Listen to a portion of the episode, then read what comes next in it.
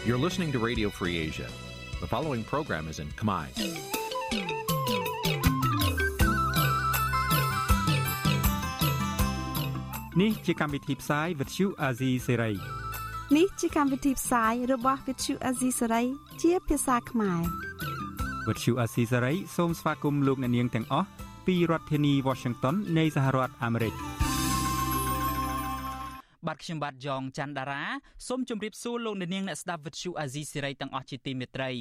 បាទខ្ញុំបាទសូមជូនកម្មវិធីផ្សាយសម្រាប់យប់ថ្ងៃប្រហោះ14កើតខែបោះឆ្នាំខាលចត្វាស័កពុទ្ធសករាជ2566បាទដែលត្រូវនឹងថ្ងៃទី5ខែមករាគ្រិស្តសករាជ2023បាទជាដំបូងនេះសូមអញ្ជើញអស់លោកអ្នកនាងស្ដាប់ព័ត៌មានប្រចាំថ្ងៃដែលមានមេត្តាដូចតទៅ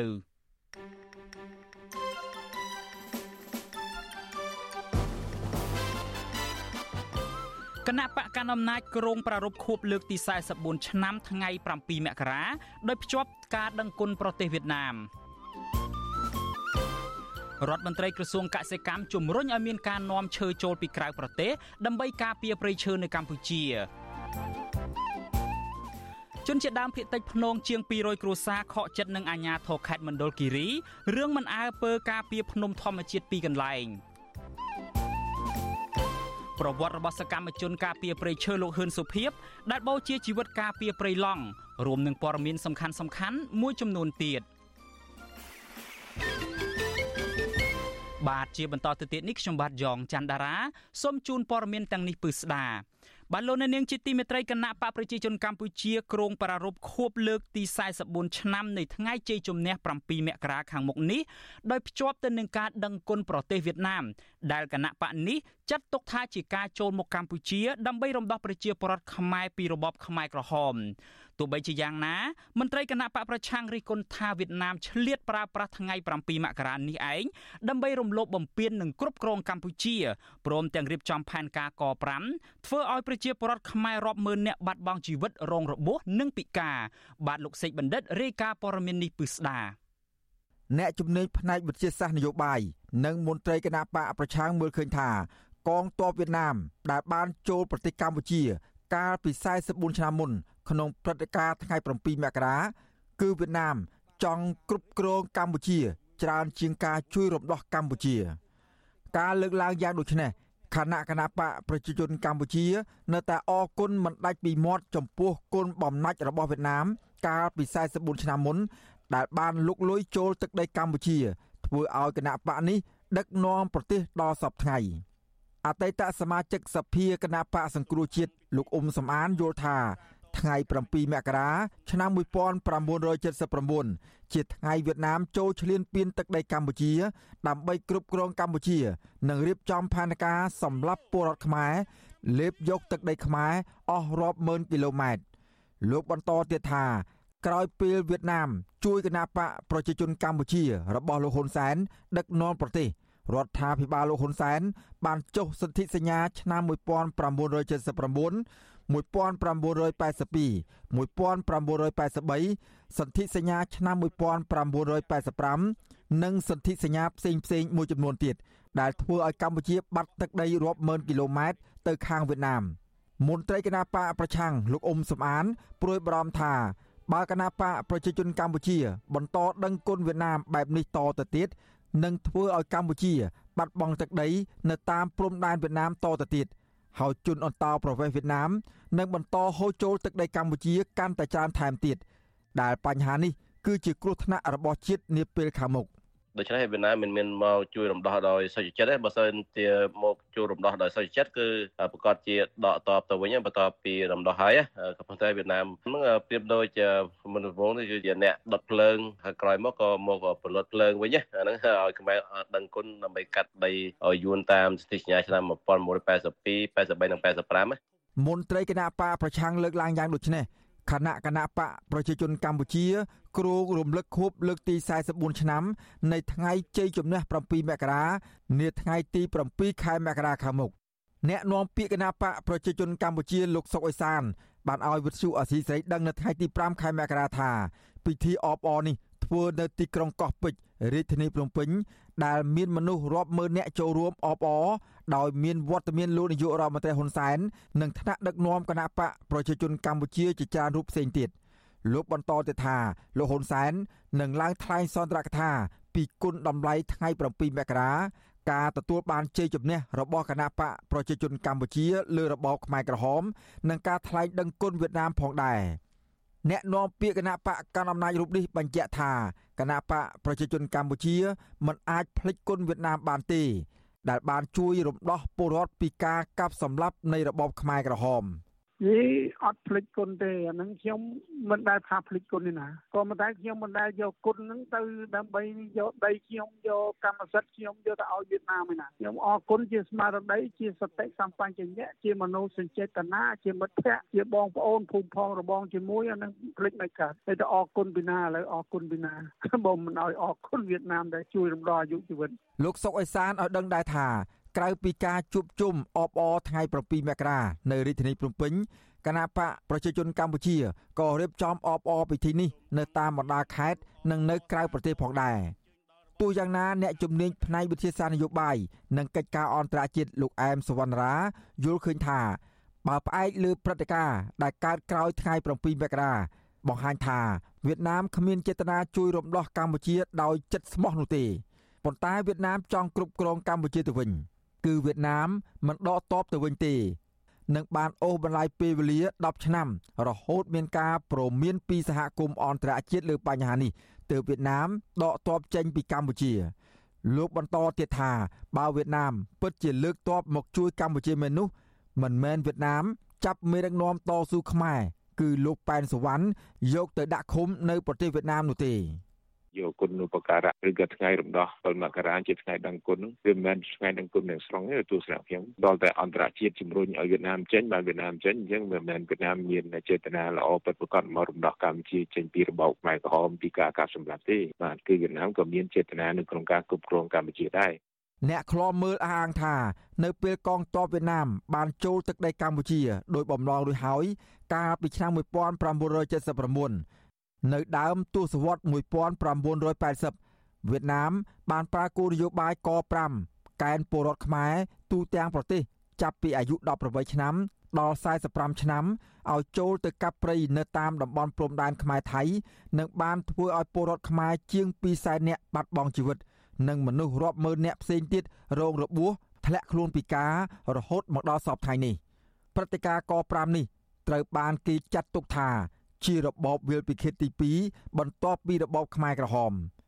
អ្នកតាមដានព្រឹត្តិការណ៍នយោបាយលើកឡើងថាវៀតណាមក៏ធ្លាប់ជំពាក់គុណកម្ពុជាដែរ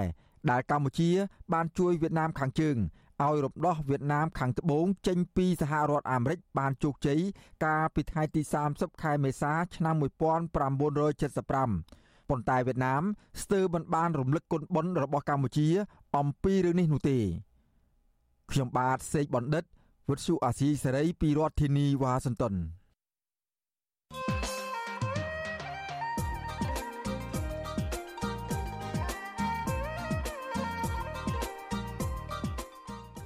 បាទលោកនាងជាទីមេត្រីស្របពេលដែលបណ្ឌិតនិងក្រុមបញ្ញវន្តមួយចំនួនសម្រុកចូលរួមជាមួយគណៈបកប្រជាជនកម្ពុជាដើម្បីទទួលបានបនស័កលៀបសក្ការៈនៅមុនការបោះឆ្នោតឆ្នាំ2023នេះអ្នកជំនាញសេដ្ឋកិច្ចល្បីឈ្មោះមួយរូបគឺបណ្ឌិតសុកហាជបែរជាបានសម្រេចចិត្តចូលរួមជាមួយគណៈបកភ្លើងទៀនទៅវិញបាទលោកបណ្ឌិតសុកហាជដែលជាប្រធានក្រុមហ៊ុននាំអង្គចេញ Golden Rice បានអះអាងថា លោកបានសម្រេចចិត្តចូលធ្វើនយោបាយជាមួយនឹងគណៈបកភ្លើងទៀននៅពេលនេះដោយសារតែលោកសម្លឹងឃើញថាគណៈបកនេះគឺជាគណៈបកដែលអាចទទួលបានជ័យជំនះលើការបោះឆ្នោតនិងដឹកនាំប្រទេសទៅថ្ងៃមុខ បាទសូមអញ្ជើញលោកនាងរងចាំស្ដាប់បទសម្ភាសផ្ទាល់ជាមួយលោកបណ្ឌិតសុកហាជតាក់ទងទៅនឹងកត្តាសំខាន់សំខាន់មួយចំនួនរបស់លោកនៅក្នុងការសម្រេចចិត្តចូលរួមជាមួយនឹងគណៈបកភ្លើងទៀនបាទលោកជុនច័ន្ទបុតនឹងសម្របសម្រួលកិច្ចពិភាក្សានេះនៅក្នុងនីតិវេទិកាអ្នកស្ដាប់វិទ្យុអាស៊ីសេរីនៅយប់ថ្ងៃសុក្រទី6ខែមករាស្អែកនេះបាទប្រសិនបើលោកអ្នកនាងមានសំណួរឬមួយក៏ចង់ចូលរួមបញ្ចេញមតិយោបល់នៅក្នុងកម្មវិធីរបស់យើងលោកអ្នកនាងអាចដាក់លេខទូរស័ព្ទរបស់លោកអ្នកនាងនៅក្នុងខ្ទង់ comment Facebook និង YouTube របស់វិទ្យុអាស៊ីសេរី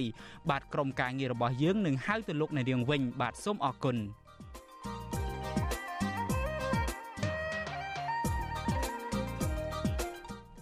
បាទលោកអ្នកនាងជាទីមេត្រីយើងងាកមកចាប់អារម្មណ៍ទៅនឹងរឿងប្រាក់បៀវត្សរបស់មន្ត្រីរាជការឯនេះវិញបាទលោកនាយករដ្ឋមន្ត្រីហ៊ុនសែនបានចេញអនុក្រឹត្យដំឡើងប្រាក់ខែដល់មន្ត្រីរាជការនៅក្នុងឆ្នាំ2023នេះ ក៏ប៉ុន្តែមន្ត្រីអង្គការសង្គមស៊ីវិលអះអាងថាប្រាក់ខែដែលរដ្ឋាភិបាលដំឡើងដល់មន្ត្រីរាជការនិងកងកម្លាំងប្រដាប់អាវុធជាដើមនេះ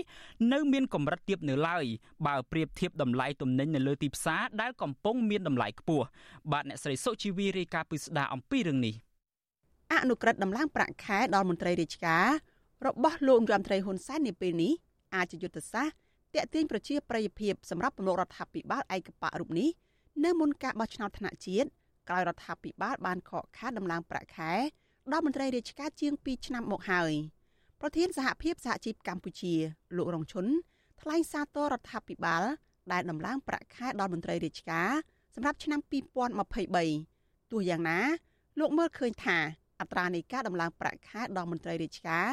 នៅតែមានកម្រិតទាបខណៈតម្លៃទំនិញនៅលើទីផ្សារនៅតែមានកម្រិតខ្ពស់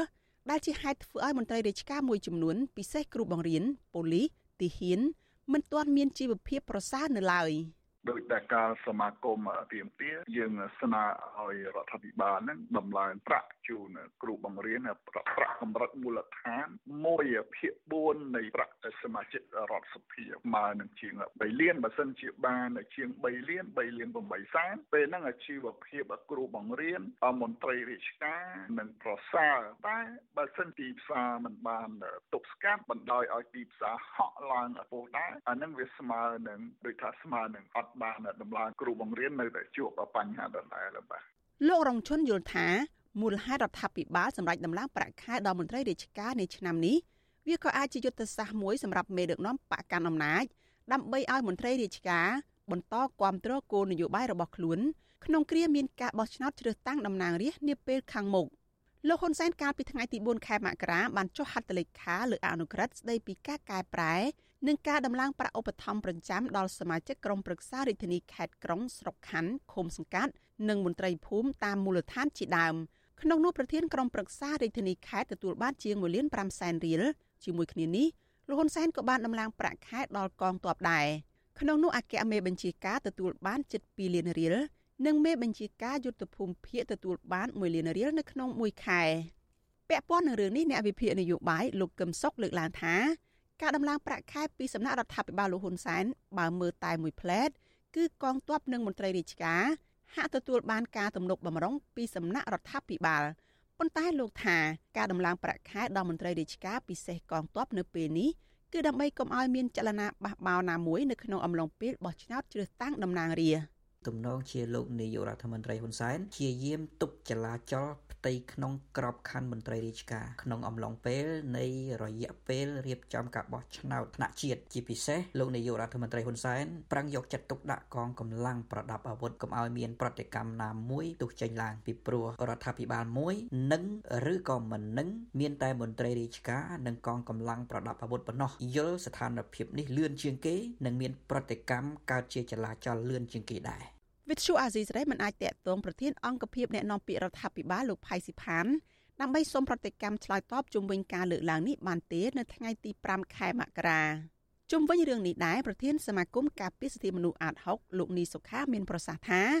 ការដំឡើងប្រាក់ខែដល់មន្ត្រីរាជការជាពិសេសគ្រូបង្រៀននិងមន្ត្រីកងកម្លាំងនគរបាលជារឿងប្រសើរប៉ុន្តែរដ្ឋាភិបាលគួរតែមានយន្តការឲ្យបានជាក់លាក់នៅក្នុងការទប់ស្កាត់ការឡើងថ្លៃទំនិញនៅលើទីផ្សារផងដែរ។ លោកបន្តថាការដំឡើងប្រាក់ខែដល់មន្ត្រីរាជការនៅមុនការបោះឆ្នោតថ្នាក់ជាតិនេះក៏អាចជាការបន្លំភ្នែកមហាជនថារដ្ឋាភិបាលតែងគិតគូរមន្ត្រីរាជការចឹងចង់មិនចង់វាអាចធ្វើឲ្យមានការយល់ឃើញអំពីគណៈបកកណ្ដាលអំណាចនឹងខិតខំធ្វើយ៉ាងណាដើម្បីគៀងគរនឹងការលើកទឹកចិត្តទៅដល់ត្រីរាជការឬក៏កងកម្លាំងដប់មួយទាំងអស់ដើម្បីឲ្យគ្រប់គ្រងនឹងការបោះឆ្នោតខាងមុខនឹងផងដែរលោកនេះសុខាបន្ថែមថាទន្ទឹមនឹងរដ្ឋាភិបាលដំឡើងប្រាក់ខែដល់មន្ត្រីរាជការបែបនេះរដ្ឋាភិបាល គួរតែស៊ើបអង្កេតមន្ត្រីថ្នាក់ជាតិនិងមូលដ្ឋានមួយចំនួនជាពិសេសមន្ត្រីនៃអង្គភាពប្រឆាំងអំពើពុករលួយណាដែលអាចពាក់ព័ន្ធនឹងអំពើពុករលួយជាប្រព័ន្ធនេះខ្ញុំសុជីវី With Chu Azizi Serai ពីរដ្ឋធានី Washington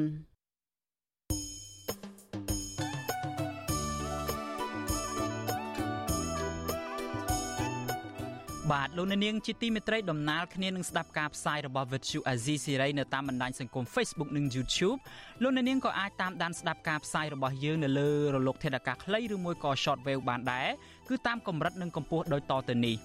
បាទពេលព្រឹកចាប់ពីម៉ោង5កន្លះដល់ម៉ោង6កន្លះតាមរយៈប៉ុស SW 9.39 MHz ស្មើនឹងកម្ពស់ 32m និងប៉ុស SW 11.85 MHz ស្មើនឹងកម្ពស់ 25m ពេលយប់ចាប់ពីម៉ោង7កន្លះដល់ម៉ោង8កន្លះតាមរយៈប៉ុស SW 9.39 MHz ស្មើនឹងកម្ពស់ 32m ប៉ុស SW 11.88 MHz ស្មើនឹងកម្ពស់ 25m និងប៉ុស SW 15.15 MHz ស្មើនឹងកម្ពស់ 20m បាទសូមអរគុណ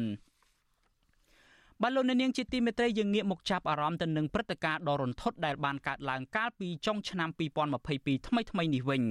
បាទអ្នកច្បាប់និងអង្គការសង្គមស៊ីវិលលើកឡើងថាអាញាធរនិងក្រុមហ៊ុនត្រូវមានចំណែកទទួលខុសត្រូវនៅក្នុងករណីភ្លើងឆេះ Casino Grand Diamond City នៅក្នុងក្រុងប៉ោយប៉ែតដែលបណ្ដាលឲ្យមានមនុស្សស្លាប់រហូតដល់ទៅជិត30នាក់ បាទពួកគាត់លើកឡើងដូចនេះដោយសារតែមានការចោទប្រកាន់ថាក្រុមហ៊ុននិងអាជ្ញាធរមានការធ្វេសប្រហែសយឺតយ៉ាវជួយសង្គ្រោះខ្វះបច្ចេកទេសនិងមិនបានត្រួតពិនិត្យប្រព័ន្ធសុវត្ថិភាពនៅក្នុងអាគារឲ្យបានត្រឹមត្រូវបាទយើងប្រកុលនីតិនេះជូនលោកជីវិតាដើម្បីរាយការណ៍ជូនលោកអ្នកនាងអ្នកច្បាប់និងអង្គការក្រៅរដ្ឋាភិបាលថាអញ្ញាធរនិងក្រុមហ៊ុនត្រូវរួមចំណែកទទួលខុសត្រូវចំពោះសោកនាដកម្មភ្លើងឆេះកាស៊ីណូនេះ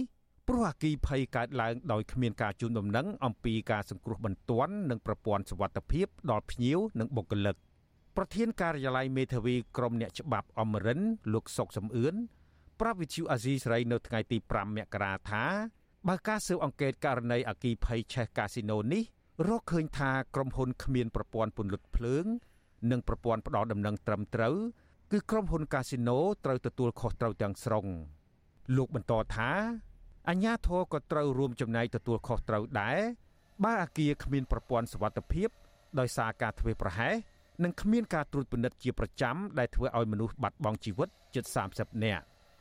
គានឹងវានៅក្នុងប្រទេសកម្ពុជាយល់ដែរដូច្នេះវាត្រូវតែកោមកនៃសមាជិកតុលាការយើងហើយមិនចាំបាច់តរជនជាតិថៃបាននេះទេអញ្ចឹងគេអាចប្តឹងនៅតុលាការខ្មែរក៏បានអាចប្តឹងនៅតុលាការថៃក៏បានអញ្ចឹងនឹងជាសងលើសម័យខ្លួនជនរងគ្រោះម្នាក់ម្នាក់ហ្នឹងគាត់ចង់ទាជាមទាសំណងឲ្យខ្លះគាត់អាចធ្វើពាក្យប្តឹងទៅតុលាការទៅឬក៏វាអាចមានការចរចាគ្នារវាងតំណាងក្រុមហ៊ុនណារហូតមកដល់ពេលនេះ ហេតុការភ្លើងឆេះកាស៊ីណូ Grand Diamond City នៅក្រុងប៉ោយប៉ែតកម្លាំងសមត្ថកិច្ចកម្ពុជានិងថៃបានរកឃើញអ្នកស្លាប់ចំនួន26នាក់រហូតមកដល់ពេលនេះហេតុការភ្លើងឆេះកាស៊ីណូ Grand Diamond City នៅក្រុងប៉ោយប៉ែតកម្លាំងសមត្ថកិច្ចកម្ពុជានិងថៃបានរកឃើញអ្នកស្លាប់ចំនួន26នាក់ជនរងគ្រោះដែលស្លាប់ទាំងនោះរួមមានជនជាតិថៃចំនួន17នាក់ម៉ាឡេស៊ីម្នាក់នេប៉ាល់ម្នាក់ចិនម្នាក់ និង6នាក់ទៀតមិនទាន់ដឹងអត្តសញ្ញាណនៅឡើយអ្នកនាំពាក្យរដ្ឋបាលខេត្តបន្ទាយមានជ័យលោកសីសុខុមមានប្រសាសន៍ថាមន្ត្រីជំនាញខ្មែរនិងថៃនឹងយកសាកសពជនរងគ្រោះទាំង6នាក់ដែលមិនទាន់ស្គាល់អត្តសញ្ញាណទៅធ្វើតេស្ត DNA ដើម្បីកំណត់អត្តសញ្ញាណនិងស្វែងរកសាច់ញាតិលោកថាការអនុវត្តសំណងគឺយោងទៅលើច្បាប់របស់ប្រទេសទាំងពីរដោយសារថៅកែនិងជនរងគ្រោះភៀកច្រើនជាជនជាតិថៃ ប៉ុន្តែហេតុការណ៍កើតឡើងនៅលើទឹកដីកម្ពុជា លោកអះអាងថាអាគារកាស៊ីណូឆេះទាំងស្រុងហើយក្រុមការងារបានរកឃើញទូដៃផ្ទុកលុយចំនួន7ទូ តែមិនឃើញអ្នករងរបួសឬសពអ្នករងគ្រោះបន្ថែមទៀតឡើយ។ បាទដំអ៊ំមន្ត្រីក៏រាយការណ៍ប្រាប់ក្នុងថ្ងៃសន្និសីទសារព័ត៌មានថាអ្នកដែលរបួសស្រាលនៅខ្មែរ50នាក់ជាងហ្នឹងគឺថាជាតែចេញពីមន្ទីរពេទ្យហើយនៅខាងថៃយើងគិតថា40នាក់តែខាងថៃប្រកាសថាក្នុងថៃដែលយកទៅជិត40នាក់ហ្នឹងគឺមានសត្វតែម្នាក់ទេប៉ុន្តែតែប៉ុនសំណងគឺយ៉ាងម៉េចយ៉ាងម៉ាយើងអត់ទាន់ដឹងព្រោះខាងគណៈកម្មការចម្រុះនៅហ្នឹងមិនទាន់បានធ្វើសន្និសីទសារព័ត៌មានឬក៏ថ្លែងអីឲ្យមកដល់ពេលនេះសាច់ញាតិអះអាងថានៅមានមនុស្សចំនួន12នាក់ទៀតបាត់ខ្លួន ក្នុងនោះមានពលរដ្ឋខ្មែរ3នាក់និងពលរដ្ឋថៃ9នាក់គ្រួសារជនរងគ្រោះរិះគន់អាជ្ញាធរកម្ពុជាថាមិនសូវអើពើជួយរកអ្នកដែលបាត់ខ្លួននោះទេ តែបែរជាខ្វាយខ្វល់នឹងខំរកទ្រព្យសម្បត្តិនិងទូលុយរបស់ក្រុមហ៊ុនទៅវិញអនុប្រធានផ្នែកសិទ្ធិមនុស្សដីធ្លីនិងធនធានធម្មជាតិនិងជាអ្នកនាំពាក្យសមាគមអាត60លោកសឹងសានករណាថ្លែងថា ជាធម្មតា នៅពេលពលរដ្ឋ បុគ្គលិកឬមន្ត្រីរាជការណាម្នាក់ទៅធ្វើការនៅទីតាំងឬកន្លែងកំសាន្តណាមួយ គឺម្ចាស់ទីតាំងឬស្ថាប័ននោះជាអ្នកទទួលខុសត្រូវ។ ចង់មិនចង់រឿងនេះគឺក្រមហ៊ុនជាអ្នកទទួលខុសត្រូវផ្ទាល់ហើយទី2នោះគឺរដ្ឋាភិបាលក្នុងន័យនេះគឺរដ្ឋាភិបាលត្រូវត្រួតពិនិត្យអំពីការទទួលខុសត្រូវរបស់ក្រមហ៊ុននឹងថាបានអនុវត្តបានត្រឹមត្រូវតាមច្បាប់ឬអត់មួយទៀតនោះគឺខាងរដ្ឋាភិបាលក៏ដូចគ្នាដែរគួរតែមានការទទួលខុសត្រូវទៅលើបញ្ហានឹងដែរនៅក្នុងពេលដែលកិច្ចអន្តរាគមន៍របស់ខ្លួននៅពេលដែលមានបញ្ហាកើតឡើងហើយបានបានអន្តរាគមន៍ហើយពលុតអគិភ័យឬក៏សង្គ្រោះប្រជាពលរដ្ឋអ្នកដែលជាប់នៅក្នុងអគារនឹងបានតាន់ពេលតាន់វេលានឹងអានឹងក៏ជាការទទួលខុសត្រូវមួយដែរ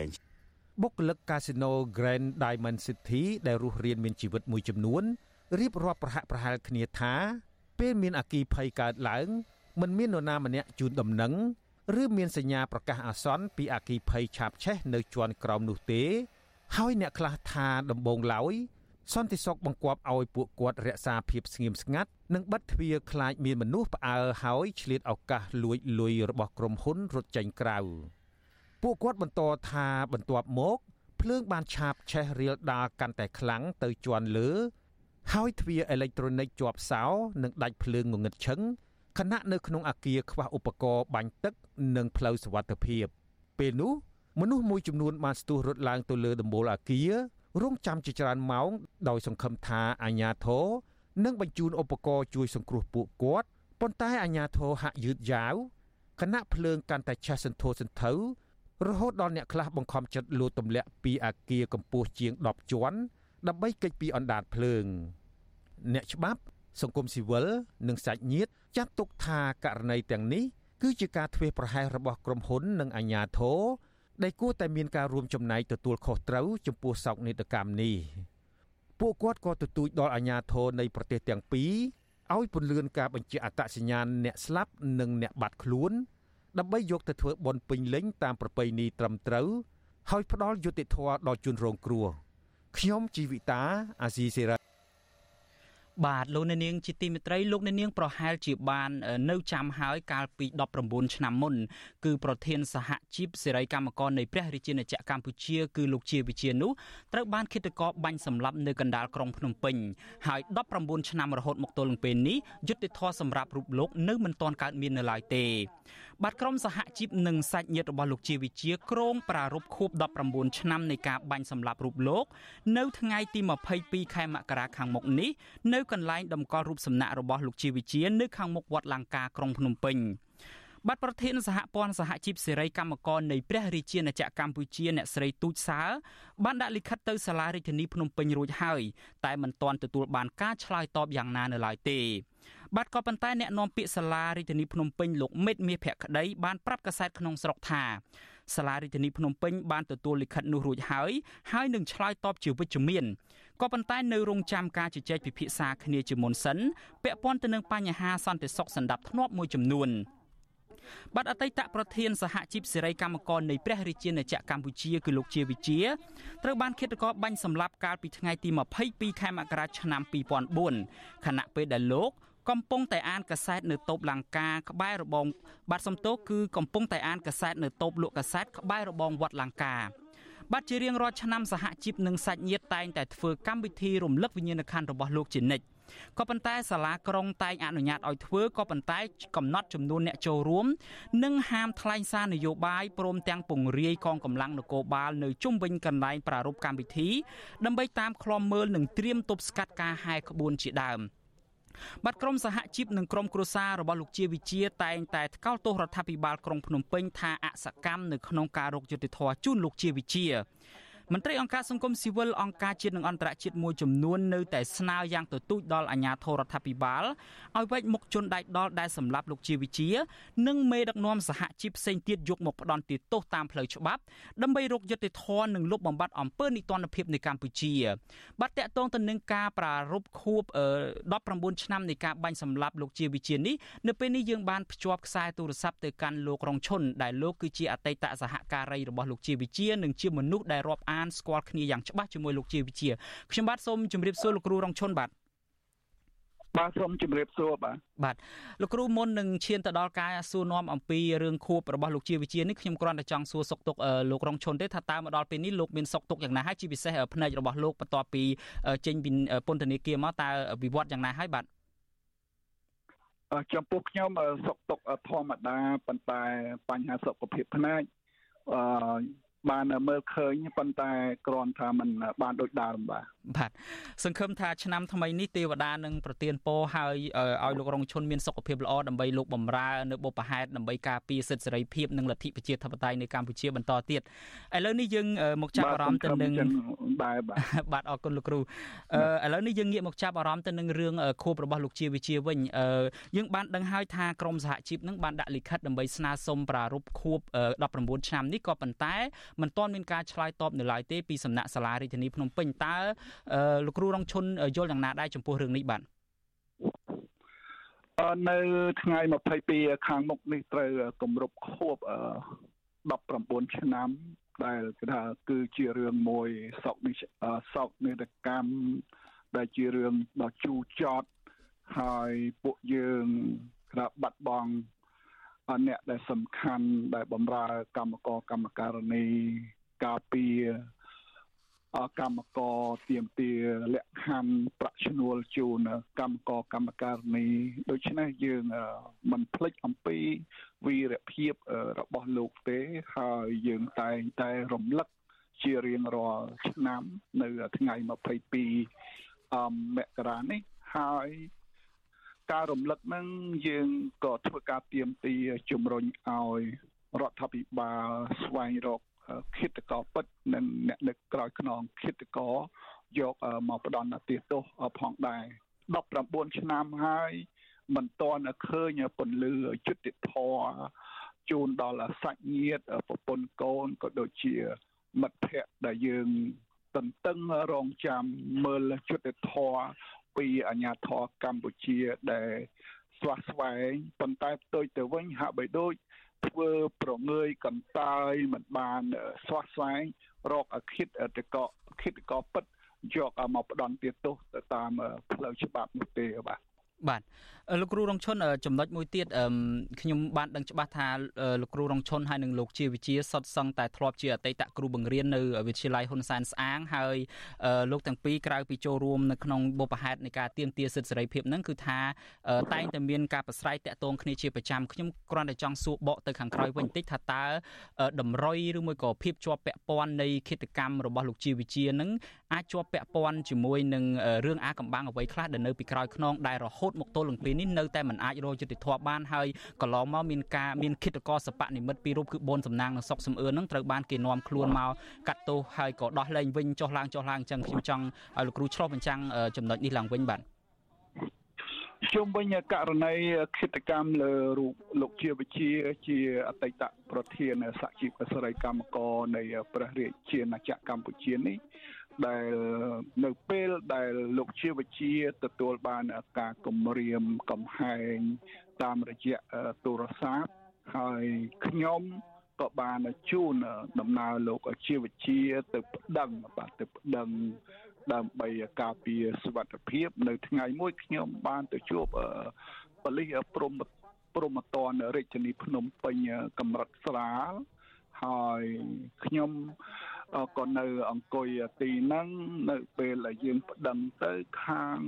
ប៉ូលីសរបស់ខ្ញុំមិនភ្លេចទេ19ឆ្នាំខ្ញុំនៅចងចាំពាក្យសម្ដីហ្នឹងហើយប៉ូលីសបានជម្រាបមកលោកជាវិជាវិញថាតាមរយៈលេខទូរស័ព្ទនេះជាមន្ត្រីអ្នកដែលមានអំណាចធំក្នុងឋានៈគាត់ដែលជាប៉ូលីសហ្នឹងគាត់មិនអាចហ៊ានប៉ះពាល់គេទេអញ្ចឹងសូមឲ្យលោក រកកន្លែងសុវត្ថិភាពទៅអាហ្នឹងបើតាមពាក្យសម្ដីដែលប៉ូលីសបានជំរាបមកពួកខ្ញុំក៏ដូចជាលោកជាវិជា នៅពេលហ្នឹងយើងក៏បានអឺលាត្រឡប់មកវិញហើយយើងក៏បានជួបប្រជែកគ្នាហើយមានអង្គការខាងការងារហ្នឹងក៏បានធានាថា ឲ្យលោកជាវិជាទៅសម្រាប់នៅទីក្រុងបាងកកមួយរយៈហើយគេធានាទាំងសុហុយស្នាក់នៅសពបែបយ៉ាងនិយាយទៅប៉ុន្តែនៅពេលនោះលោកជាវិជាបានធ្វើការសម្រេចចិត្តបាទបានធ្វើការសម្រេចចិត្តថាមិនចាក់ចេញពីស្រុកទេពីព្រោះកុំ ឲ្យថាធ្វើគំរូអាក្រក់ដល់យុវជនកុំឲ្យតែមានការគំរាមបន្តិចបន្តួចនាំគ្នារត់ភៀសខ្លួនទៅនៅក្រៅអញ្ចឹងយើងត្រូវតែហ៊ានប្រឈមដើម្បីឲ្យធ្វើគំរូដល់យុវជនចំនួនក្រោយបន្តទៀតនៅពេលហ្នឹងខ្ញុំក៏មិនហ៊ានជំរុញឲ្យគាត់ថាត្រូវតែទៅនោះក៏ យល់ព្រមទៅតាមការសម្រេចចិត្តរបស់គាត់ទៅអញ្ចឹងគ្រាន់តែឲ្យគាត់លាក់ខ្លួនបើគាត់នៅសំណំនៅក្នុងផ្ទះរយៈពេលប្រហែលជាមួយឆ្នាំបាទនៅពេលថ្ងៃចូលឆ្នាំចិនហ្នឹងឥឡូវហ្នឹងឆ្នាំហ្នឹងចំថ្ងៃចូលឆ្នាំចិនហ្មងខួប ថ្ងៃ22មករាហ្នឹងដូចជាថ្ងៃពិសេសដល់អញ្ចឹងទៅនៅពេលហ្នឹងស្ងាត់បាទពីព្រោះមនុស្ស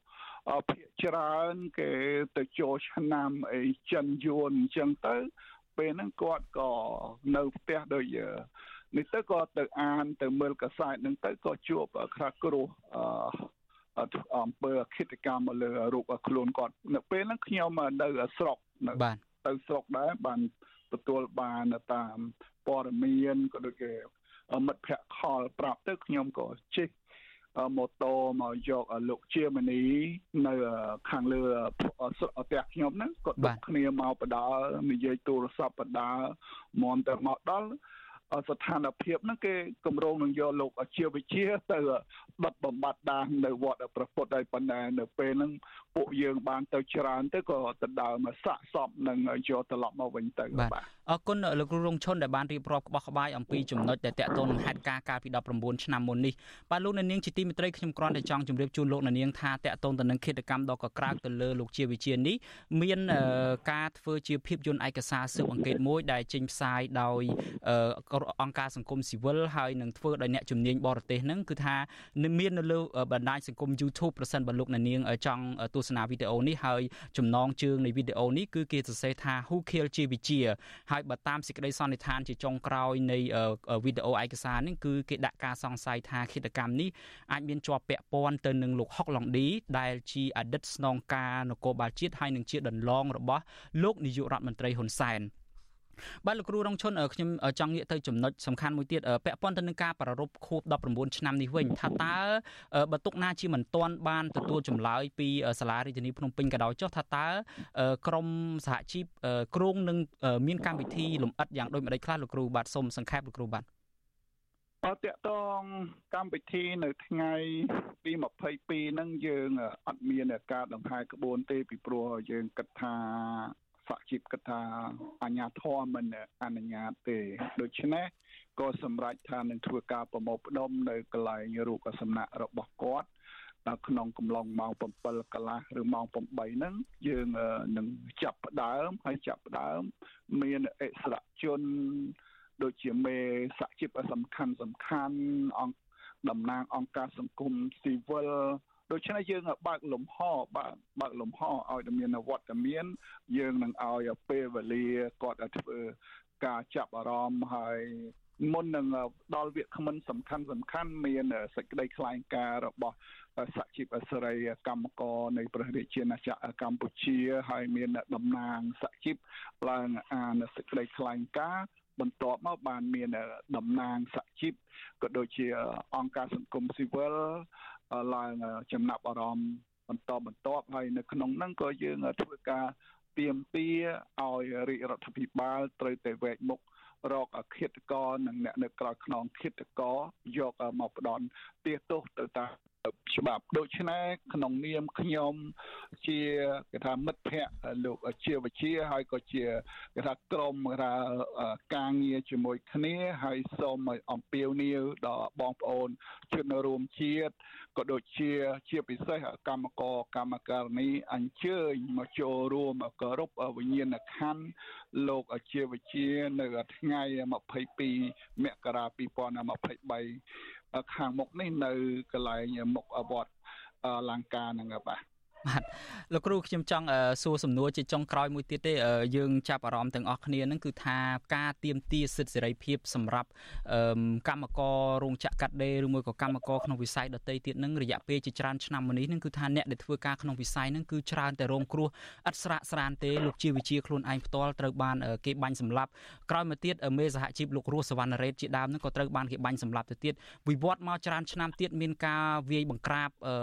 ដល់ក្នុងថ្លុកឈាមនៅផ្លូវវែងស្រេងក៏តាក់ទងទៅនឹងការទៀមទារបស់កម្មកររឿងសិទ្ធិសេរីភាពនេះដែរហើយលោកគ្រូខ្លួនឯងផ្ទាល់គេចាប់ដាក់ពន្ធនាគារទៅទៀតខ្ញុំចង់ដឹងថាតើបុព្វហេតុនៃការតស៊ូដើម្បីសិទ្ធិសេរីភាពដើម្បីជីវភាពរបស់ប្រជាកសិករនោះមានតម្លៃដល់កម្រិតណាដែលត្រូវការលះការលះបង់ខ្ពស់បែបនេះលោកគ្រូបាទជាការពិតមនុស្សមនុស្សយើងត្រូវការអុកស៊ីហ្សែនមានន័យថាត្រូវការសេរីភាព បើមនុស្សរស់នៅ គ្មានសេរីភាពស្មើនឹងខ្វះអុកស៊ីហ្សែនឬគ្មានអុកស៊ីហ្សែនអញ្ចឹងកាអញ្ចឹងហើយសេរីភាពនឹងវាជាការចាំបាច់ណាស់ហើយខ្ញុំសូមជម្រាបថាសិទ្ធិសេរីភាពគ្មានអ្នកណាយកមកជូនយើងទេ បើសិនជាបងប្អូនជនរួមជាតិជាពិសេសកម្មករកម្មការនីគ្រូបង្រៀនក្តី បើយើងមិននាំគ្នាប្រមូលផ្ដុំធ្វើការទៀមទានោះទេ ពេលហ្នឹងសិទ្ធិសេរីភាពដែលជាសិទ្ធិមូលដ្ឋាន របស់យើងនឹងនឹងត្រូវបាន គេបំពេញគេបំបត្តិដូច្នេះមានតែយើងរួមគ្នាទៀមទារួមគ្នាតវ៉ានោះទើបយើងទទួលបានសិទ្ធិសេរីភាពពិតប្រាកដហើយពេញលេញបើមិនដូច្នោះទេ សិទ្ធិយើងត្រូវបានគេ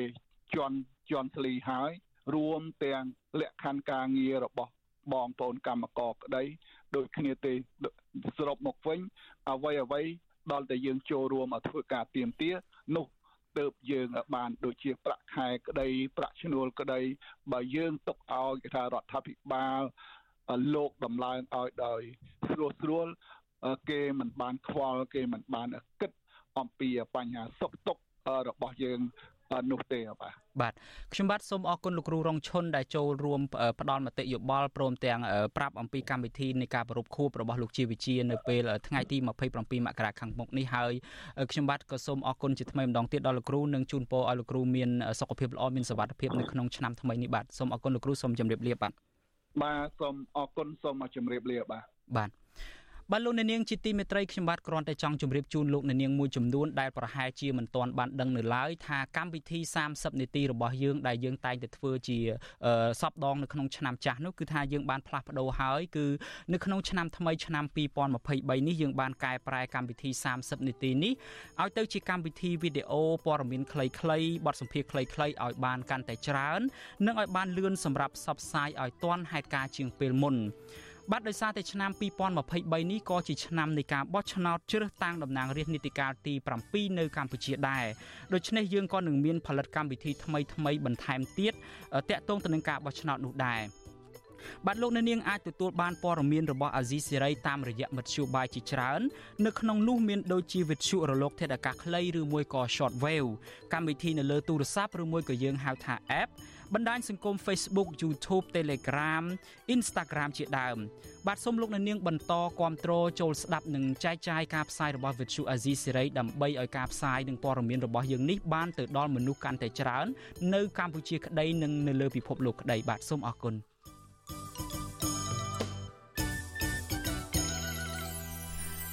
បាទលោកអ្នកនាងជាទីមេត្រីយើងងាកមកចាប់អារម្មណ៍ទៅនឹងបញ្ហាសិទ្ធិជនជាតិដើមភាគតិចឯនេះវិញបាទពលរដ្ឋជនជាតិដើមភាគតិចភ្នងប្រមាណ200គ្រួសារខកចិត្តនឹងអាជ្ញាធរខេត្តមណ្ឌលគិរីនៅតែមិនអើពើការពារភ្នំធម្មជាតិចំនួន2កន្លែងដែលជាប្រភពសេដ្ឋកិច្ចនិងជាកន្លែងប្រតិបត្តិជំនឿវប្បធម៌របស់អ្នកភូមិ បាទប្រជាពលរដ្ឋលើកឡើងដូចនេះក្រោយពីភ្នំធម្មជាតិទាំងនោះបន្តទទួលរងការឈូសឆាយព្រៃឈើទ្រង់ទ្រាយធំ ដើម្បីទន្ទ្រានយកដីរួចធ្វើប្លង់កម្មសិទ្ធិពីសំណាក់បុគ្គលមានលុយនិងមានអំណាចបាទសូមលោកអ្នកនាងស្ដាប់សេចក្តីរាយការណ៍នេះពឺស្ដាររបស់លោកទីនហ្សាការីយ៉ាដូចតទៅប្រជាពលរដ្ឋអភិជាច្រើនជាជនជាតិដើមភាគតិចភ្នងរស់នៅភូមិឡាយការសង្កាត់សុកដុំក្រុងសែនមនោរមកំពុងស្វែងរកកិច្ចអន្តរាគមន៍ពីអាជ្ញាធរខេត្តមណ្ឌលគិរី និងមន្ត្រីអង្គការសង្គមស៊ីវិលដើម្បីសង្គ្រោះភ្នំធម្មជាតិពីរកន្លែងដែលកំពុងតែប្រឈមការរំលោភបំពានដើម្បីគ្រប់គ្រងជាកម្មសិទ្ធិឯកជនក្រោយពីឈូសឆាយដើមឈើមានតម្លៃអស់មួយផ្នែកធំអ្នកភូមិចាត់ទុកភ្នំធម្មជាតិទាំងនេះជាជំរកយ៉ាងសំខាន់របស់សត្វព្រៃនិងជាកន្លែងប្រតិបត្តិជំនឿសាសនារបស់ជនជាតិដើមភាគតិចភ្នងគួរតែរក្សាឲ្យល្អដើម្បីទាក់ទាញភ្ញៀវទេសចរ តំណាងបរដ្ឋនឹងជាប្រធានបណ្ដាញសហគមន៍ជនជាតិដើមភាគតិចភ្នងខេមណ្ឌលគិរីលោកស្រីផ្លឹកភិរមប្រាប់វិទ្យុអាស៊ីសេរីនៅថ្ងៃទី5ធ្នូថាបរដ្ឋបានយកញត្តិនឹងស្នាមមេដាយតំណាងបរដ្ឋ6នាក់ស្នើឲ្យអភិបាលខេមណ្ឌលគិរីដោះស្រាយបញ្ហានេះក៏ប៉ុន្តែមកទល់ពេលនេះជាង1ខែមកហើយអាជ្ញាធរមិនទាន់ឆ្លើយតបនៅឡើយទេលោកស្រីថាបំណងរួមរបស់បរដ្ឋគឺទាមទារឲ្យលោកថងសវុនអភិបាលខេត្តមណ្ឌលគិរី បញ្ឈប់សកម្មភាពឈូសឆាយដីព្រៃកាប់បំផ្លាញព្រៃឈើនិងចម្រោះសត្វព្រៃនៅតំបន់ភ្នំទាំងនេះលោកស្រីបញ្ជាក់ថាពេលនេះតំបន់ភ្នំទាំងនោះកំពុងតែប្រឈមនឹងការលួចធ្វើប្លង់រឹងប៉ះចំចម្រោះសត្វព្រៃនិងទីកន្លែងអាស្រ័យផលព្រៃឈើយ៉ាងសំខាន់របស់អ្នកភូមិ តំបន់ជំនឿជនជាតិដើមភាគតិចនៅភូមិលើការដូចគ្នានៅមានសត្វព្រៃអីទៀតនៅមានព្រៃឈើអីចឹងណាឥឡូវមានការឈូសឆាយមានការឈូសឆាយចឹងពួកខ្ញុំប្តឹងទៅដាក់ពាក្យប្តឹងទៅសាលាខេត្តដើម្បីឲ្យខេត្តជួយអន្តរាគមន៍រហូតមកដល់ពេលនេះអត់ទាន់ឃើញខេត្តដឹងជួយអន្តរាគមន៍ទេកាលពីដើមខែធ្នូឆ្នាំ2022កន្លងទៅតំណាងបរដ្ឋ6នាក់ក្នុងចំណោមបរដ្ឋ200គ្រួសារបានផ្តិតមេដាយដាក់ញត្តិទៅមន្ទីរដែនដី និងសាលាខេត្តមណ្ឌលគិរី ដើម្បីស្នើឲ្យអាជ្ញាធរផ្អាកផ្ដាល់បានកម្មសិទ្ធិជូនបកគលមួយចំនួន រួមមានសម្បូផាណាខុនសំណា និងគ្រឿងខុន រួមទាំងបាក់ពួកអ្នកភូមិរកឃើញថាបកគលទាំងនេះពួកគាត់មិនដឹងថាធ្វើការនៅស្ថាប័នណាទេ ហើយបានរំលោភយកដីព្រៃតាមបណ្ដោយចង្កេះភ្នំ និងក្នុងភ្នំធម្មជាតិពីរកន្លែងដែលជាអត្តសញ្ញាណវប្បធម៌ភូមិកំណើតរបស់ពួកគាត់តាំងពីបុរាណកាលមក។ តំណាងសហគមន៍លោកស្រីផ្លឹកភិរមទទូចឲ្យអាជ្ញាធរពន្លឿនចុះបញ្ជីដីនៅតំបន់ភ្នំទាំងពីរនេះជាកន្លែងអភិរក្សពីព្រោះទីនោះមានសត្វព្រៃកម្រជាច្រើនប្រភេទកំពុងតែរស់នៅរួមមានសត្វទោចព្រៃស្វានិងក្ងោកជាដើមលោកស្រីថាកន្លងទៅក្រុមនៃមានអំណាចគប់កិតជាមួយអាជ្ញាធរមួយចំនួន បានឈូសឆាយផ្ដួលដើមឈើធំធំដែលជាកន្លែងសត្វទោចលោតលេងនិងឈូសឆាយព្រៃអាស្រ័យផល ដែលអ្នកស្រុករកអនុផលប្រៃឈើចិញ្ចឹមជីវិតលោកស្រីសង្កេតឃើញថាបើទោះបីជាពេលនេះសកម្មភាពឈូសឆាយដីព្រៃនៅតំបន់ភ្នំទាំងនេះបានផ្អាកហើយក៏ដោយក៏ប៉ុន្តែអាជ្ញាធរមិនបានស៊ើបអង្កេតរកជនល្មើសមកផ្ដន្ទាទោសនៅឡើយទេ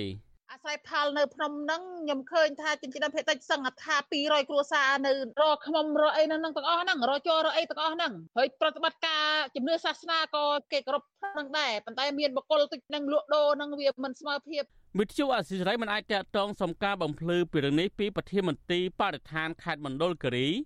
លោកកែងសុភ័ក្រនិងអ្នកនាំពាក្យសាលាខេត្តមណ្ឌលគិរីលោកនាងវណ្ណៈដើម្បីសំសួរអំពីបញ្ហានេះបាននៅឡើយទេនៅថ្ងៃទី5មករា ចំណែកឯចៅសង្កាត់សុកដុំអ្នកស្រីណេតឆាយានិងក្រុមឈ្មួញដល់អ្នកភូមិចោទថាបើរំលោភយកដីអភិរក្សនេះក៏វិទ្យុអសិរ័យមិនទាន់តាក់ទងបានដែរប៉ុន្តែចៅសង្កាត់រងសុកដុំលោកពៅសុផាតបដិសេធថាអាញាធរឃុំពុំទាន់ទទួលដំណឹងជំវិញនឹងការឈូសឆាយដីព្រៃនិងធ្វើប្លង់រឹងនៅតំបន់ភ្នំនេះនៅឡើយទេលោករិះគន់បរដ្ឋវិញថាគួរតែរាយការណ៍រឿងនេះប្រាប់ទៅអាជ្ញាធរមូលដ្ឋានជាមុនសិន ហើយលោកបដិសេធសំណួរផ្សេងទៀតដែលលោកអះអាងថាមិនដឹងរឿងរ៉ាវនេះទេបើចង់ដឹងការពិតខាងបងប្អូនជនជាតិដើមហ្នឹងគាត់និយាយមកវាកន្លែងណាកន្លែងណាអញ្ចឹងយើងឲ្យដឹងតែមិនបាច់រាយការណ៍ទៅដល់ណាដល់ណីទេភ្នំធម្មជាតិពីរកន្លែងដែលជនជាតិភាគតិចភ្នំដាក់ឈ្មោះថាភ្នំឆ្មាអត្រុបនិងភ្នំអន្តើកើស្ថិតនៅក្នុងភូមិឡាវកាសង្កាត់សុកដុំដែលជាផ្នែកមួយនៃដែនចម្រុះសត្វព្រៃភ្នំព្រិចគ្រប់គ្រងដោយក្រសួងបរិស្ថាន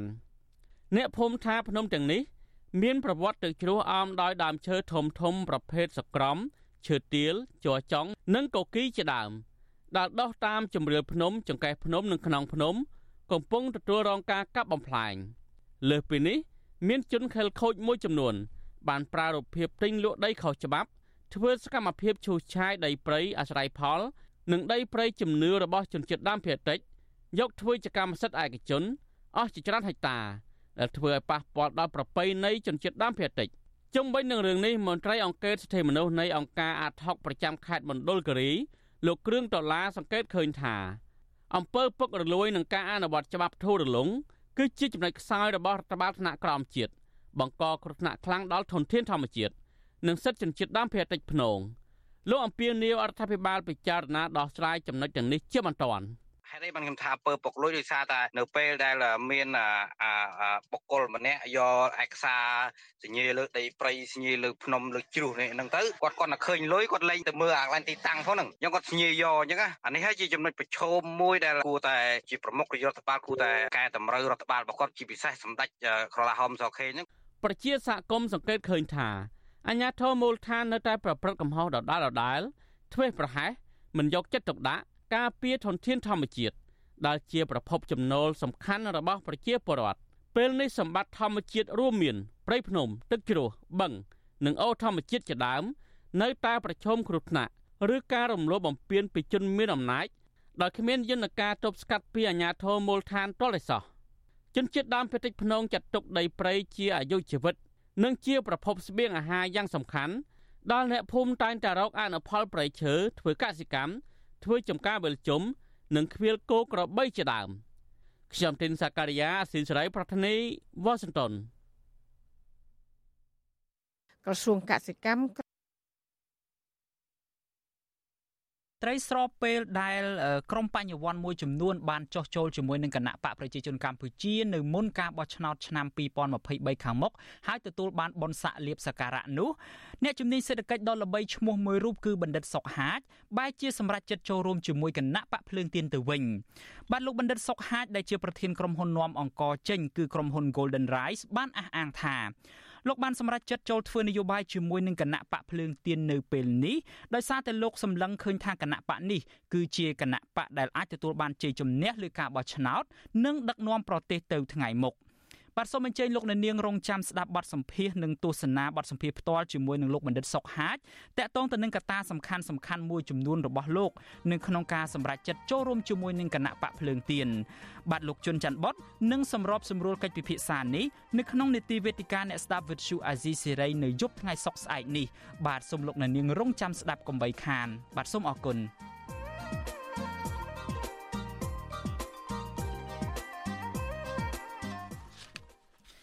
បាទលោកនាងជាទីមេត្រីយើងងាកមកចាប់អារម្មណ៍ទៅនឹងបញ្ហាពាក់ព័ន្ធទៅនឹងការជួញដូរវត្ថុបុរាណឯនេះវិញអ្នកជំនាញអំពាវនាវដល់ពលរដ្ឋសញ្ជាតិអាមេរិកកាំងដើមកំណើតខ្មែរឲ្យជួយស្នើទៅរដ្ឋាភិបាលសហរដ្ឋអាមេរិកឲ្យបន្តសុពលភាពកិច្ចព្រមព្រៀងស្ដីពីការទប់ស្កាត់ការនាំចូលសម្បត្តិវប្បធម៌ខុសច្បាប់ជាមួយរដ្ឋាភិបាលកម្ពុជា បាត់ការអំពាវនាវនេះធ្វើឡើងស្របពេលដែលកិច្ចព្រមព្រៀងនេះបានផុតសុពលភាពនៅត្រឹមដំណាច់ឆ្នាំ2022នេះបាទលោកមានរិទ្ធរាយការណ៍ព័ត៌មាននេះជូនលោកអ្នកនាងអ្នកជំនាញផ្នែកបុរាណវិទ្យាចង់ឃើញពលរដ្ឋសញ្ជាតិអាមេរិកដើមកំណត់ខ្មែរនិងក្រុមអ្នកស្រាវជ្រាវផ្នែកបុរាណវិទ្យាដែលធ្វើការជាមួយរដ្ឋាភិបាលអាមេរិកចូលរួមជំរុញទៅរដ្ឋាភិបាលអាមេរិកធ្វើយ៉ាងណាឲ្យបន្តសុពលភាពនៃកិច្ចព្រមព្រៀងនេះ អ្នកសិក្សាស្រាវជ្រាវជាន់ខ្ពស់នៅសាកលវិទ្យាល័យ California Los Angeles ឬ UCLA នៅសហរដ្ឋអាមេរិកបណ្ឌិតហេងពិផលពន្យល់ប្រាវិសុយស៊ីស្រីកាលពីយប់ថ្ងៃទី4ខែមករាថាការបន្តសុពលភាពនៃកិច្ចព្រមព្រៀងឬអនុសារណៈយោគយល់ MOU ស្ដីពីការទប់ស្កាត់ការនាំចូលសម្បត្តិវប្បធម៌ខុសច្បាប់ អនុញ្ញាតឲ្យរដ្ឋាភិបាលកម្ពុជា និងរដ្ឋាភិបាលអាមេរិកសហការគ្នាក្នុងការទប់ស្កាត់ការលួចនាំចេញសម្បត្តិវប្បធម៌ពីកម្ពុជា និងបញ្ជូនត្រឡប់សម្បត្តិវប្បធម៌ទាំងនេះមកកម្ពុជាវិញ MOU ជាមួយនឹងនឹងអាមេរិកនេះហើយដែលយើងអាចទទួលខាងភាគីរដ្ឋាភិបាលស្រុកខ្មែរនោះអាចប្តឹងយក រូបចម្លាក់ដែលដែលគេលក់ចេញណាកាលយើងបីផ្ោះតាំងពីទីកន្លែងពីឆ្នាំដែលគេលក់ចេញមកអញ្ចឹងយើងអាចប្តឹងត្រឡប់ទៅវិញបានហើយមួយទៀតនោះខាងរដ្ឋាភិបាលអាមេរិកនោះក៏សស្រាក់ស្រាមដែររឿងហ្នឹងហើយគេឲ្យតែមានគេឃើញព័ត៌មានអីអញ្ចឹងទៅគេខាង Federal ខ្លួនឯងនោះគឺប្តឹងប្តឹងទៅខាងអ្នក private collector ណាឬមួយទៅខាងសារមន្ទីរដែលគេទិញរូបអីអីហ្នឹងចេញពីស្រុកខ្មែរមក នៅក្នុងតំបន់អាស៊ីក្រៅពីប្រទេសចិននិងប្រទេសអាហ្វហ្គានីស្ថាន កម្ពុជាគឺជាប្រទេសទី1ដែលបានចុះកិច្ចព្រមព្រៀងស្តីពីការទប់ស្កាត់ការនាំចូលសម្បត្តិវប្បធម៌ខុសច្បាប់ជាមួយរដ្ឋាភិបាលអាមេរិកកិច្ចព្រមព្រៀងនេះដំបូងឡើយត្រូវបានធ្វើឡើងកាលពីឆ្នាំ2003ហើយបន្តសុពលភាពរៀងរាល់5ឆ្នាំម្ដង គឺនៅឆ្នាំ2008ឆ្នាំ2013និងចុងក្រោយនៅឆ្នាំ2018គិតត្រឹមដំណាច់ឆ្នាំ2022នេះកិច្ចព្រមព្រៀងនេះត្រូវផុតសុពលភាព ដែលតម្រូវឲ្យរដ្ឋាភិបាលអាមេរិក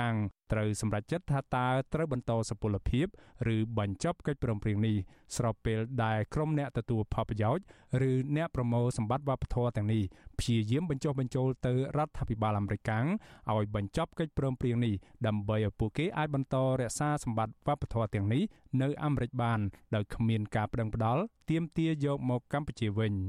បណ្ឌិតហេងពិផលពន្យល់ថាការចូលរួមពីសំណាក់ពលរដ្ឋសញ្ជាតិអាមេរិកដើមកំណត់ខ្មែរ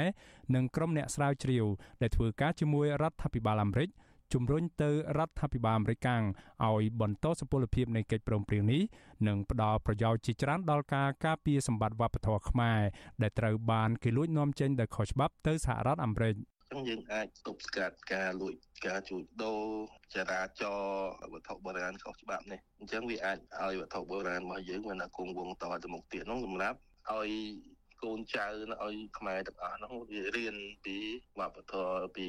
ប្រវត្តិសាស្ត្រខ្លួនឯងផងវាអាចឲ្យអ្នកស្រាវជ្រាវទាំងខ្មែរទាំងបរទេសស្រាវជ្រាវពីបុរាណជាពីប្រវត្តិប្រវត្តិសាស្ត្រតំណាក់តំណងរវាងស្រុកស្រុកហ្នឹងពីសម័យដើមអីអញ្ចឹងមកទៅទៀត អញ្ចឹងវាមានផលប្រយោជន៍ក្នុងច្រើនហើយមួយទៀតទៅសប្តាហ៍ថ្ងៃនេះយើងមិនចាំបាច់ទៅទៅលួចទៅទិញរបស់លួចអីអញ្ចឹងយកមកតាំងទេដូចថាប្រហែលខែមុនហ្នឹងមានតាំងរូបពីពរូបចម្លាក់ខ្មែរដែលខ្ចីពីសារមន្ទីរជាតិហ្នឹងមកតាំងនៅនៅនៅ Los Angeles ណាបណ្ឌិតហេងពិផលពន្យល់បន្តថាដើម្បីចូលរួមជំរុញទៅរដ្ឋាភិបាលអាមេរិកឲ្យបន្តសុពលភាពនៃកិច្ចព្រមព្រៀងនេះ ពលរដ្ឋសញ្ជាតិអាមេរិកដាំងកំណត់ខ្មែរនិងក្រុមអ្នកស្រាវជ្រាវផ្នែកបុរាណវិទ្យា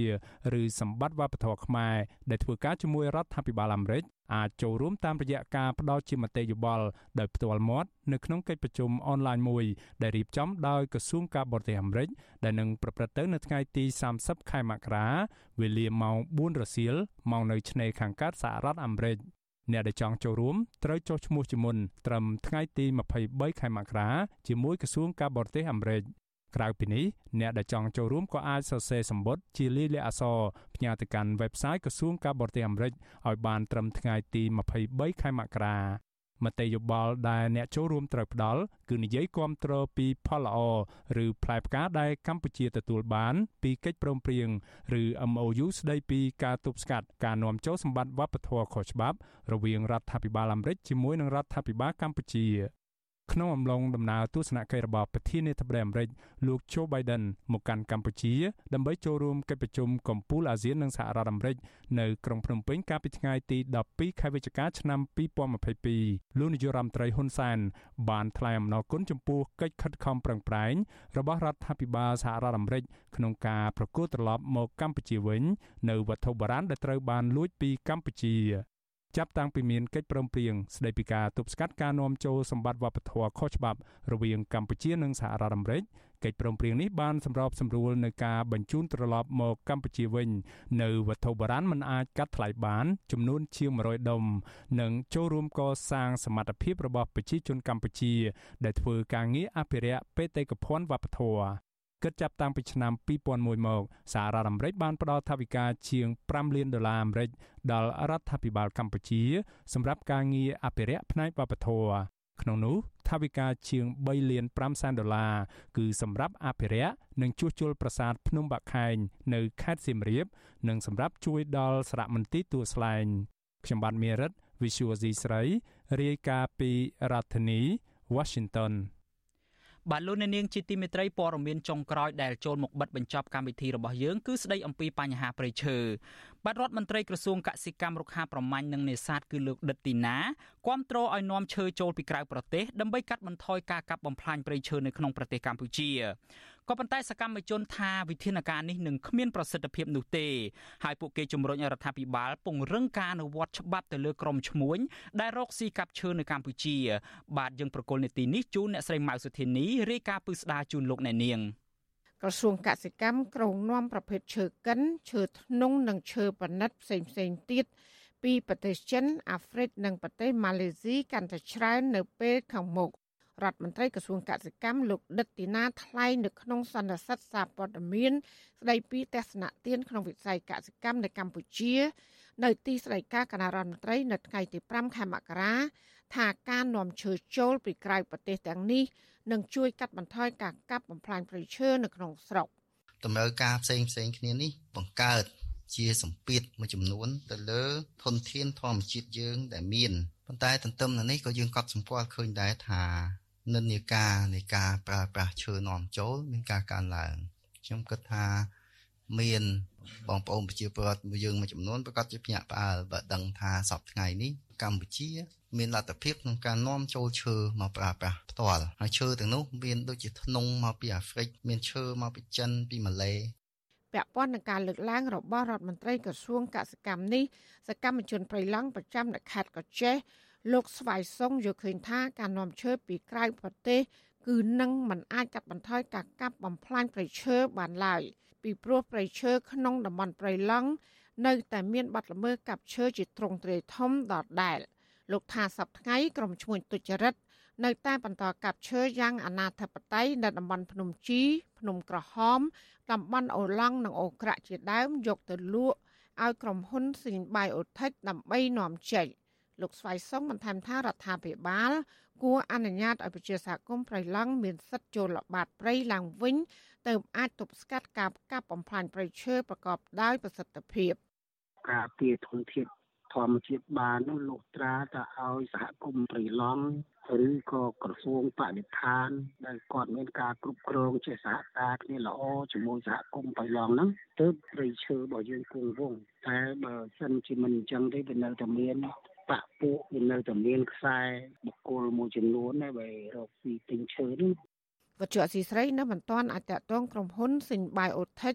ដើម្បីបកស្រាយការចាប់ប្រកាន់របស់សកម្មជនប្រៃឈើបានទេនៅថ្ងៃទី5ខែមករាពជាសហគមន៍ប្រៃឈើលើកឡើងថាការកាប់បំផ្លាញប្រៃឈើត្រង់ទ្រាយធំ នៅតែបន្តកើតមាននិងមិនមានវិធានការទប់ស្កាត់ពីអាជ្ញាធរប្រកបដោយប្រសិទ្ធភាពនោះឡើយ របាយការណ៍អង្កេតលើកទី2របស់ក្រុមអ្នកស្រាវជ្រាវនៃសាកលវិទ្យាល័យ Copenhagen ប្រទេសដាណឺម៉ាកចេញផ្សាយកាលពីពេលថ្មីៗនេះបង្ហាញថាកម្ពុជាបានបាត់បង់ព្រៃឈើជាង140,000ហិកតាកាលពីឆ្នាំមុនក្នុងនោះការបាត់បង់គម្របព្រៃឈើក្នុងដែនជម្រកសត្វព្រៃឡង់បានកើនឡើងដល់22%ព្រៃប្រះរកា43%និងដែនជម្រកសត្វព្រៃសង្រុកវ័នចំនួន47% ជុំវិញរឿងនេះមន្ត្រីកម្មវិធីស្រាវជ្រាវនឹងតស៊ូមតិនៃសមាគមបណ្ដាញយុវជនកម្ពុជាលោកហេងកំហុងយល់ឃើញថាការនាំឈើចូលពីក្រៅប្រទេសដែលរដ្ឋមន្ត្រីក្រសួងកសិកម្មបានលើកឡើងនេះគឺនឹងមិនមានអត្តពលដើម្បីកាត់បន្ថយការកាប់បំផ្លាញព្រៃឈើក្នុងប្រទេសបានឡើយលោកបន្ថែមថាដើម្បីកាត់បន្ថយការកាប់បំផ្លាញព្រៃឈើលុត្រាតែរដ្ឋាភិបាលអនុវត្តច្បាប់ឲ្យបានតឹងរឹង